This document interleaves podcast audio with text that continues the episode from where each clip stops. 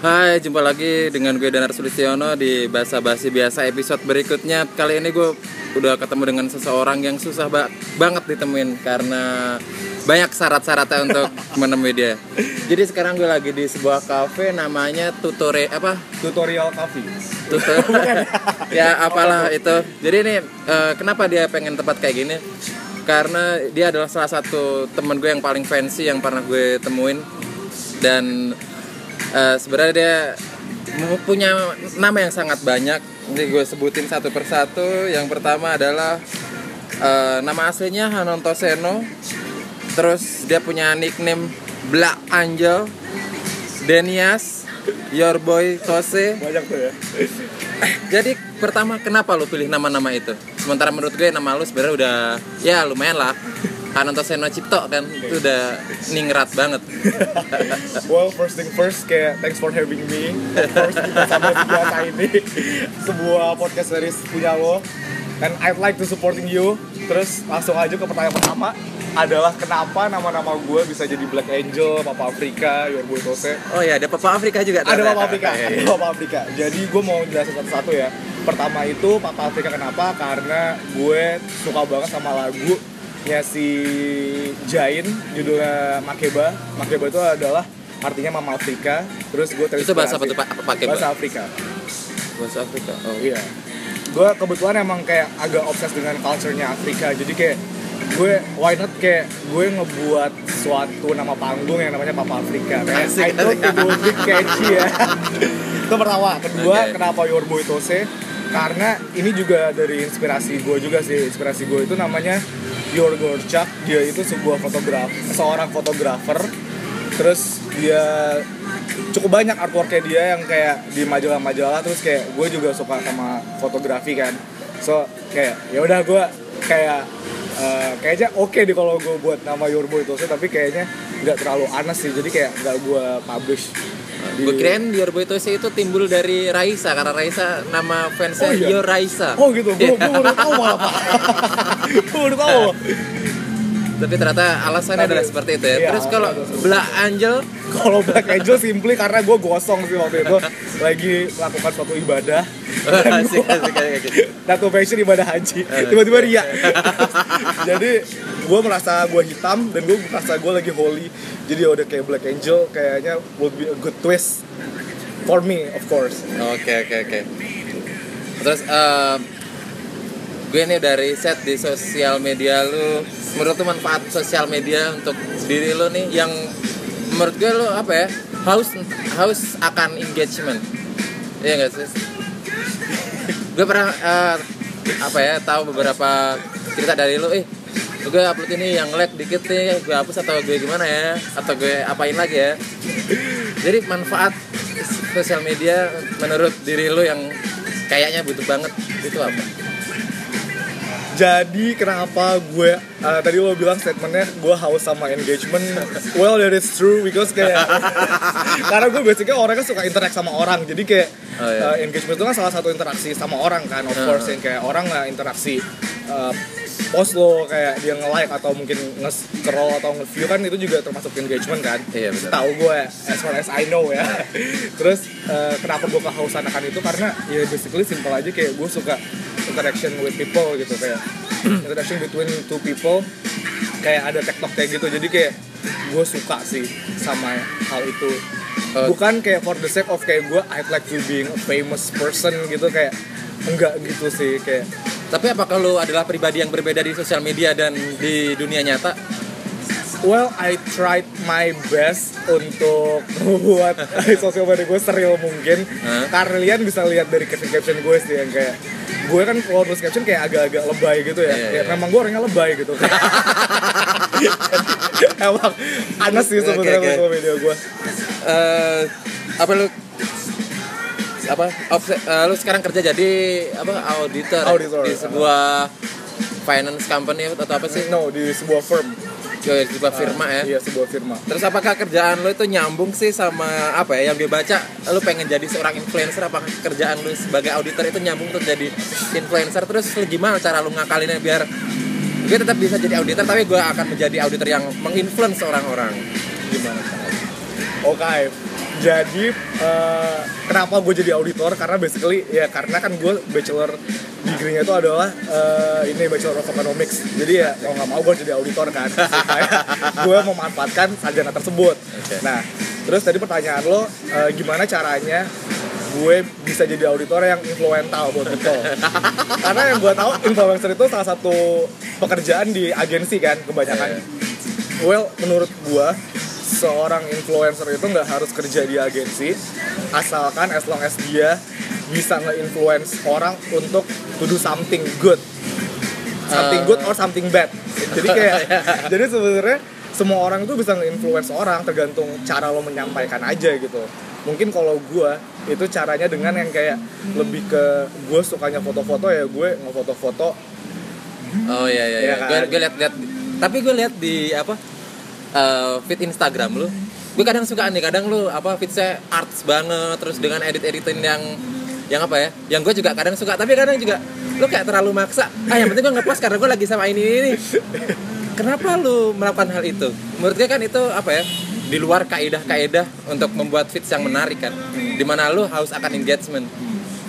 well back then like I said before kayak gue suka interaksi sama orang dan gue I try my best to keep my social media as honest as possible gitu kayak ya. gue berusaha jujur sejujurnya mungkin gue orangnya gimana. Ya kalau misalnya gue kadang kayak terlalu mungkin terlihat netizen terlihat sama netizen gue terlalu maksa itu kayak lebih ke ya gue orangnya gini gitu kayak gue lagi ngelakuin ini ya gue pengen ngepost aja gitu. Sesimpel itu sebenarnya kayak Oke. am I right kayak gue udah nangkep question lo gak? Iya iya iya benar. Iya maksud gue gitu loh kayak eh, sometimes gue juga keluar nih jiwa-jiwa artinya kalau orang-orang bilang kan. Tapi sometimes gue juga pengen ngepost kayak Kebersamaan lu dengan iya teman-teman lu. bersama gue dengan teman-teman gue karena menurut gue anak zaman now suka pamer teman ya. Jadi I have to keep up gitu Oh, loh. iya, iya, oke, oke. Dan apa ya mungkin itu lo lakukan supaya teman-teman lu ya entah itu teman baru atau entah itu teman lama ngerasa oh dia udah temenan sama gue karena dia udah mau ngepost muka gue di Instagramnya mungkin seperti itu ya mungkin. Mungkin mungkin. Eh, terus eh, apa lagi ya? Oh ya.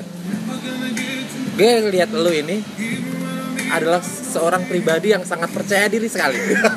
Serius gue maksudnya gue lihat apa eh, gue sempat lihat YouTube lo channel YouTube lo terus gue sempat lihat apa eh, video-video di Instagram lo ya menurut lo gue nggak bisa ngelakuin hal itu karena gue nggak percaya diri lo gimana sih cara melatih percaya diri yang supaya ya paling nggak jadi kayak percaya diri lo lah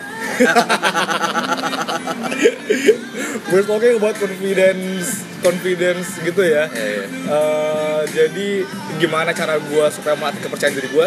To be honest, gue waktu zamannya TK itu sepercaya diri. Jadi memang gue nyadar kayak gue udah eh, nyadar dari diri sendiri. Kalau dari kecil tuh kayak gue emang kayaknya pede-pede aja. Karena gue inget banget waktu gue TK nar. Gue itu pernah maksa cewek buat nyium gue dan sampai cewek itu nangis bener-bener nangis. Yang kayak kejer gitu ketakutan.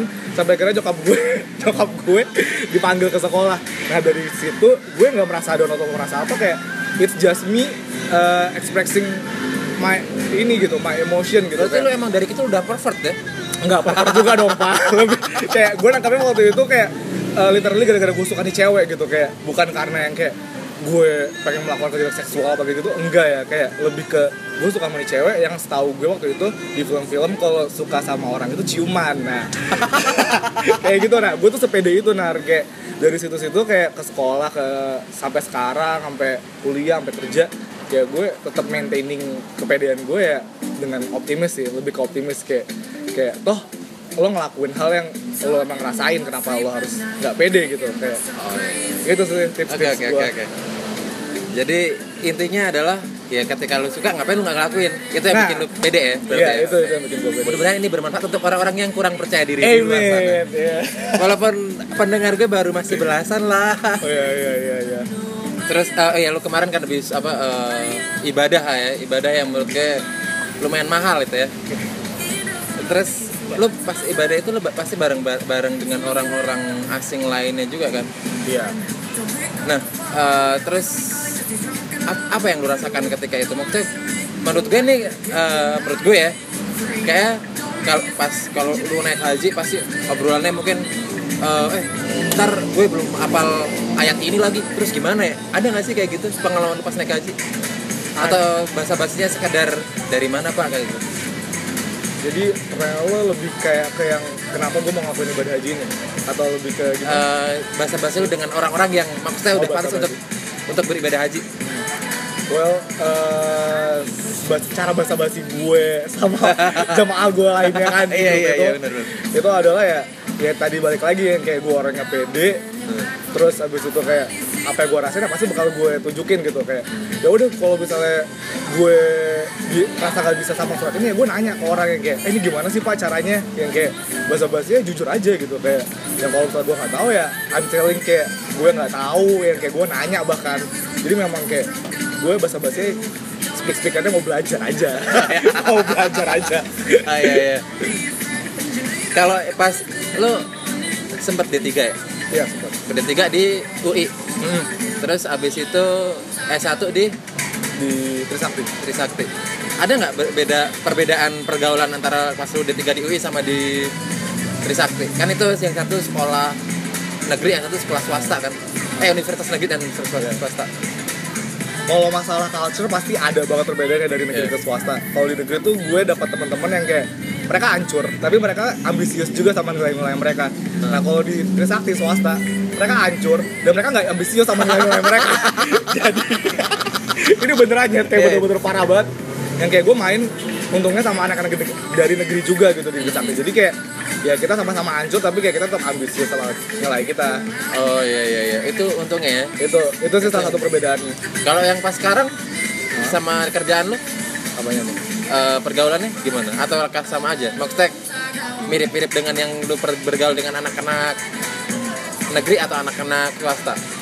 Kalau gue ngeliat culture di kantor gue itu sekarang lebih kayak ke anak-anak Trisakti sih. Maksudnya kayak similar to Trisakti gitu loh. Kayak mereka nyantai terus mereka juga apa ya kadang-kadang suka suka terlalu santai tapi in the end mungkin karena ini ya faktor bertambahnya umur jadi nggak sehancur dulu. Tapi iya. gue ngeliat kayak ada kemiripan sih. Eh, oh ya nih.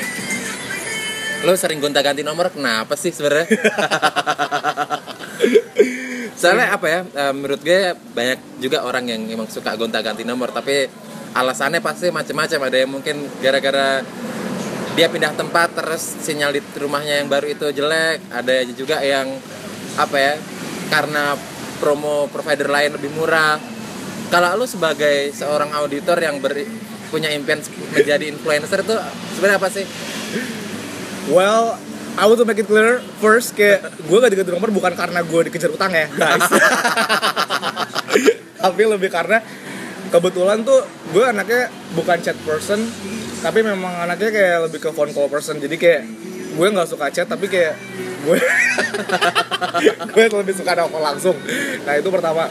Nah kenapa gue ganti-ganti karena kebetulan kayak nomor gue kadang-kadang suka nyebar gitu ke orang-orang yang nggak gue pengen. Mereka tahu nomor gue. Kayak for example kayak misalnya gue baru dikenalin sama temen gue temennya temen gue.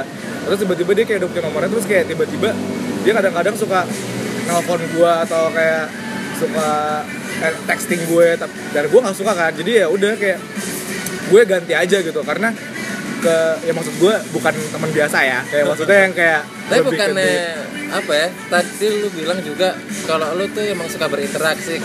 Kan ketika lu ganti nomor lu sebenarnya menghindari interaksi dong. Nah Nah, itu dia yang gue bilang tadi kan yang kayak sebenarnya kayak lebih ke karena ini bukan interaksi biasa tapi interaksi yang kayak personal life yang kayak lo uh, having date with someone terus habis itu yang kayak lo tiba-tiba berubah pikiran dan nggak mau sama orang itu. Nah, gue anaknya paling gak enakan jadi kayak ya udahlah kayak gue ganti aja nomor gue gitu loh. oke cukup masuk akal menurut gue I know right. jadi eh, biasanya nih se Black Angel atau Your Boy Tose atau Papa Afrika durasinya setengah jam terus kita juga membahas isu-isu terkini kenapa gue bahas isu-isu terkini jadi supaya eh, audiens gue itu tahu ini interview ini terjadinya kapan sih kayak gitu terus kayak eh, gue sama lu pengen ngomongin Aukarin deh kayak gitu. karena dia juga influencer juga sih walaupun gue nggak terinfluence dengan gaya-gaya dia gitu. jangan ya Iya. jangan ya Eh, menurut lu perubahan rambut Awkarin itu berpengaruh nggak sih dengan jumlah followersnya atau sih? kalau kita ngebahas perubahan rambut Alvarin berpengaruh dengan jumlah followers uh, I don't think so because kayak, karena itu cuman gaya rambut dia doang dan kayak gue yakin peminat dan yang bakal ngikutin juga dikit banget bahkan mungkin nggak ada. Karena dia terlalu berani sih untuk merubah rambutnya dari lurus jadi dikepang-kepang gitu kan kayak Bob Marley oh kayak gimana? Gue juga nggak tahu sih gue Oh gimana? Kamu bisa tahu kalau lo berubah ya rambut Alvarin? karena ada di Line Today men. Oh, ada di Line Today. jadi gue sumber berita gue itu selalu Line Today. Terus gue juga tadi baca berita juga ini eh, apa sih? Buaya memangsa manusia. Kalau gue pengen komentar di hal itu tapi kayak pasti bakal biasa aja kayak ya. Karena update mereka di hilang terus mereka menyerang manusia kayak standar standar aja Ya udah biasa lah ya. Kalau eh, lu ada nggak pendapat yang luar biasa tentang hal itu gimana menanggapi hal itu? Tentang hal si buaya itu si boy. Ya pokoknya gue nggak pengen lu jawab. Ya karena update mereka ya jangan kayak gitu gitu. Nah, pendapat luar biasa. Agak susah ya pertanyaannya. Gue harus backup story nih berarti ya. Eh harus backup statement ya. Well pendapat nggak biasa gue tentang buaya itu mungkin si korbannya itu lagi cari ilmu cari ilmu kebal terus tiba-tiba out of the way out of the blue tuh buaya makan tuh orang. Udah sesimpel itu. Eh, waktunya masih banyak nih sih Eh, ini sebenarnya kenapa gue kasih judul bahasa basi biasa bukan intro biasa? Karena sebenarnya lu juga boleh nanya ke gue. Oh gitu? Oh kayak boleh gitu. boleh nanya. Jadi lu boleh lah nanya ke gue. Karena gue udah lagi mikir juga apa ya yang pantas untuk gue tanyain tanyain ke lu Oh, gitu. apa ya? Oh ya kayak kalau gue lihat feeds Instagram lu itu kan ada agak artsy artsy gitu kan. Eh, siapa sih seniman siapa sih yang favorit lu yang menginspirasi lu untuk bikin-bikin hal-hal kayak gitu? Seniman siapa yang paling gue ah, ada satu seniman yang udah meninggal namanya Ren Hang. Jadi dia itu dia seniman dia fotografer juga. Terus dia kebetulan meni- udah meninggal dalam usia yang cukup muda. Gue nggak tahu meninggal kenapa tapi gue suka artworknya dia you should check it bro. Dia bunuh diri juga ya? Enggak sih kayaknya dia emang kayak terkena penyakit gitu. Gay gay nggak? Ah gue nggak tahu kalau masalah dia gay apa enggak. Kenapa nanya kayak gitu ya pak apa ya? Eh, banyak eh, idola-idola gue itu yang ternyata gay dan gue ah anjing Oh, kenapa gitu. orang nang Well, tapi kita gue tahu nggak gay kan? Kalau Enggak, karena gue setahu gue suka kita gue tahu juga nih, ya kan? Bener gak? ya itu itu yang cewek maksudnya gue suka karena dia Eh tapi gay itu kalau di menurut orang-orang luar gay itu bisa bisa buat cewek bisa buat cowok. Setahu gue. Jadi cewek itu gay juga ada. Ya, tapi suka sama-sama suka cewek. oh iya kayak gitu juga boleh juga Iya, iya. kalau itu lebih menarik menurut gue oh gitu.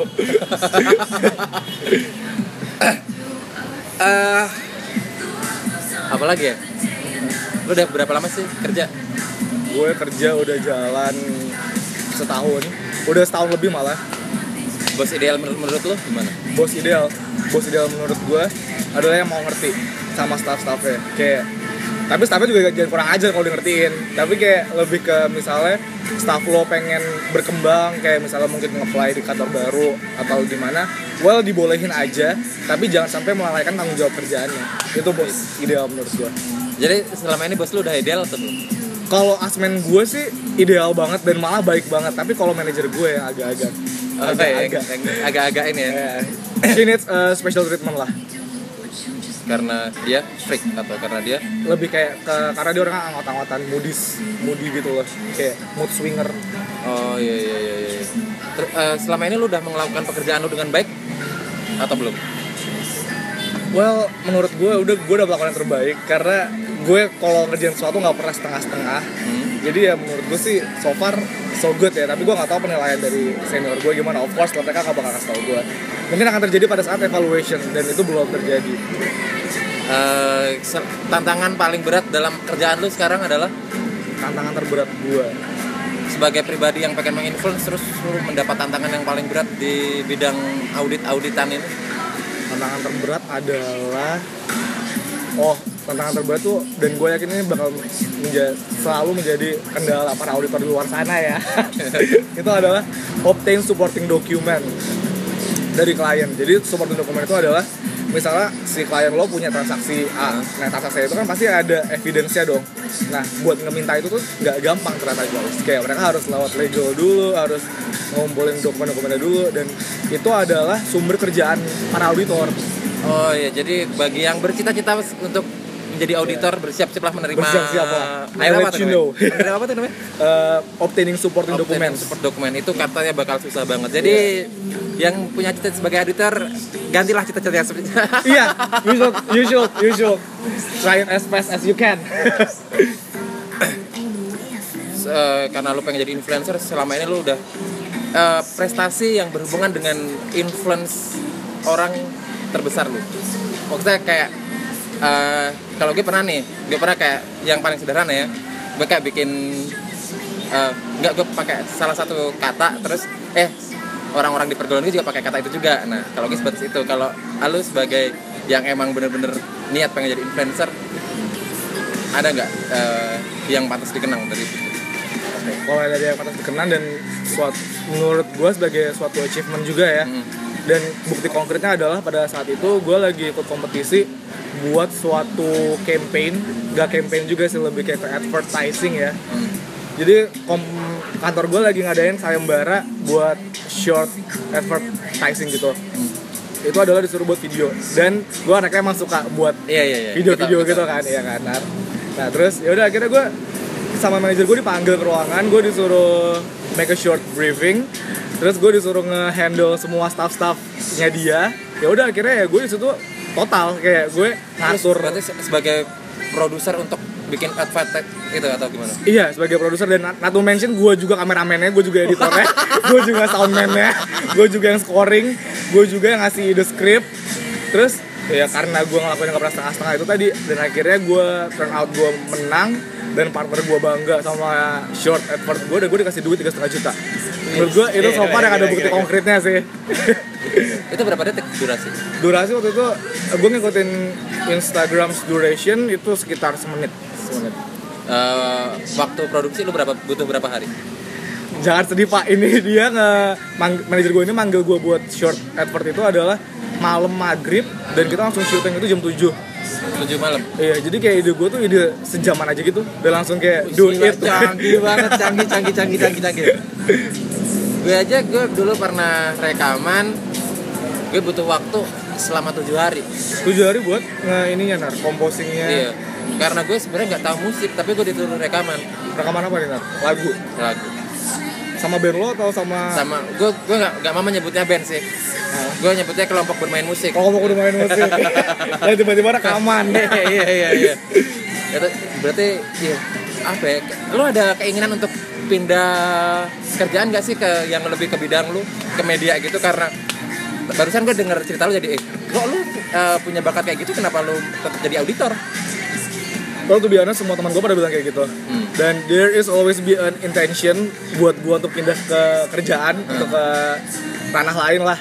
Nah, tapi setelah time by time, gue mikir kayak ya balik lagi ke sarjana gue tadi itu. Ternyata sarjana gue sarjana ekonomi dan gue udah kecemplung di sini.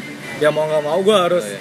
Nah dulu lu to- kenapa pilih jurusan itu deh karena sesimpel bokap gue nggak mau bayarin kalau gue nggak mau ngambil itu. oh iya sama sama gue juga gitu I don't like. Iya, iya, iya. We are in the same team kan.